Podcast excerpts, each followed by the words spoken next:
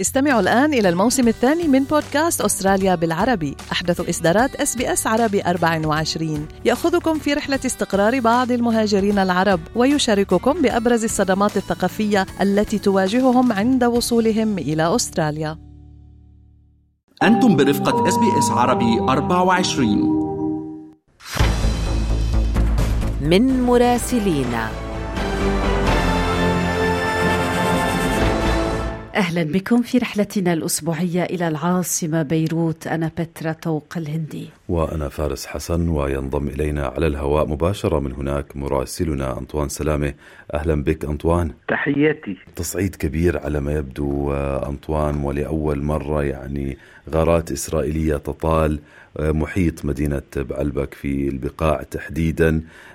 قيل يعني حسب التصريح الإسرائيلي الرسمي أن هذا القصف جاء ردا على إطلاق غارة من لبنان باتجاه إسرائيل.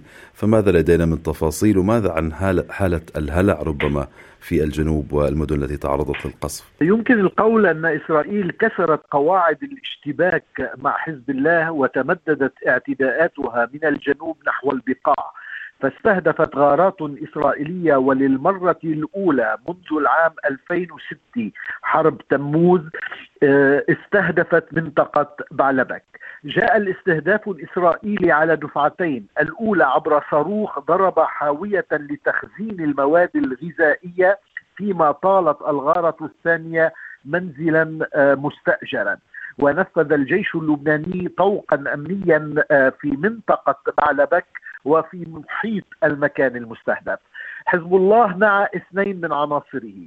في حين قال الجيش الإسرائيلي إن القصف جاء ردا على إسقاط حزب الله مسيره إسرائيلية في الأجواء اللبنانية. كان حزب الله أعلن في وقت سابق أن وحدة الدفاع الجوي في المقاومة الإسلامية أسقطت طائرة مسيرة إسرائيلية بصاروخ ارض جو فوق منطقة إقليم التفاح. رد الحزب على غارة بعلبك لم يتأخر فأعلن عن قصف مقر قيادة فرقة الجولان في آه، سوريا بستين صاروخ كاتيوشا بعدما أكد حزب الله أن الإعتداء الإسرائيلي على بعلبك لن يمر من دون رد. وعقد رئيس حكومة تصريف الأعمال نجيب ميقاتي اجتماعا مع وزير الخارجية والمغتربين عبد الله أبو حبيب للبحث في الرد اللبناني الرسمي على مقترحات فرنسية بشأن التهدئة في الجنوب.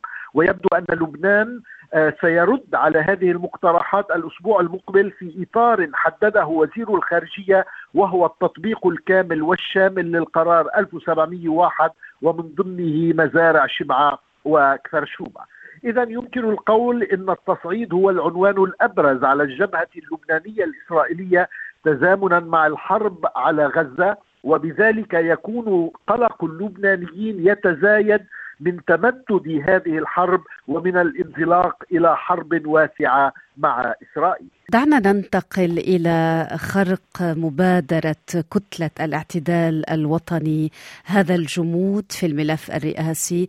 مبادرة خرقت هذا الجمود.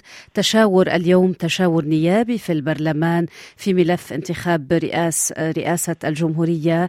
المبادرة من بندين هل تملأ هذه المبادرة الفراغ الرئاسي في لبنان؟ أنطوان. بقيت مبادرة كتلة الاعتدال الوطني الرئاسية في واجهة التطورات السياسية والتي تقضي بإجراء المرحلة الأولى تشاور بين الكتل النيابية المرحلة الثانية الانتقال إلى عقد جلسات متتالية لانتخاب رئيس للجمهورية. هذه المبادرة تزامنت مع اجتماع اللجنة الخماسية التي تضم الولايات المتحدة الأمريكية وفرنسا والسعودية ومصر وقطر واجتماع اللجنة آه، جرى آه، في بيروت. وتزامنت أيضا مع تحرك السفير البابوي على قيادات سياسية في إطار تحرك الفاتيكان لإنهاء الشغور الرئاسي حتى الآن هناك ترحيب من القوات اللبنانية والكتائب وشخصيات مستقلة بمبادرة كتلة الاعتدال الوطني التي يجول أعضاؤها على الفعاليات السياسية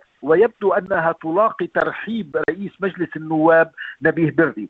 في مبادرة كتلة الاعتدال الوطني آلية واضحة تقضي بعقد جلسة تشاور واحدة في المجلس النيابي يصار بعدها إلى الذهاب إلى جلسة واحدة مفتوحة بدورات متعددة حتى انتخاب رئيس للجمهورية. حتى هذه الساعة لم يعرف متى تنعقد جلسة التشاور ومن ثم الانتخاب خصوصا أن كتلا سياسية وبرلمانية وازنة لم تعلن عن موقفها بعد ومنها كتلة حزب الله. نعم أنطوان دعنا نختم هذه الرسالة الأسبوعية بالحديث عن خبر محزن خيم على لبنان وفاة الممثل فادي إبراهيم. وأيضا نعرج على إحراز بلدة كفر دبيان جائزة عالمية عاصمة السياحة الشتوية. العربية فماذا لدينا من تفاصيل وأبرز ما يحدث على الصعيد الثقافي والفني في لبنان؟ بالفعل نعت نقابة الفنانين الممثل والنجم اللبناني فادي إبراهيم الذي شكل العنوان الأكثر تداولا على مواقع التواصل الاجتماعي فودعه اللبنانيون واللبنانيات بالحزن العميق ولوحظ أن السياسيين شاركوا في هذا الوداع. وفي خبرين مفرحين أن مهرجانات فندق البستان أطلق مهرجانه الدولي الشتوي بمبادرة إحياء حفل موسيقى موسيقي وأوبرالي على كورنيش المنارة في بيروت الذي يعتبره هواة المشاة رئة العاصمة. فتحت عنوان فن الشارع عزفت فرقة موسيقية ضمت عازفين من لبنان وفرنسا وإيطاليا التانجو الحديث مع غناء أوبرالي ورقص ما حرك الحياة على الكورنيش الذي يستقطب يوميا المئات من هواة المشي والركض على الرصيف والتمتع بجمال البحر. وفي خبر مفرح أيضا كما ذكرت أن بلدة فردبيان في أعالي كسروان حصلت على جائزة عاصمة المصايف الشتوية العربية لعام 2024 وهي المشهورة لبنانيا وعربيا وغربيا بمنصات التزلج وتضم منطقة فقرا أيضا المشهورة بقلعتها الأثرية وبمجمعات سياحية تعتبر الأرقى ليس فقط في لبنان إنما في العالم. من العاصمة بيروت تحدثنا اذا مع مراسلنا أنطوان سلامه، شكرا جزيلا لك أنطوان. استمعوا إلى آخر إصدارات SBS عربي 24 على جميع منصات البودكاست. تابعوا بودكاست الهوية في موسمه الثاني الذي يروي قصصا واقعية تعكس تحديات الانتماء التي يواجهها الشباب العربي في أستراليا.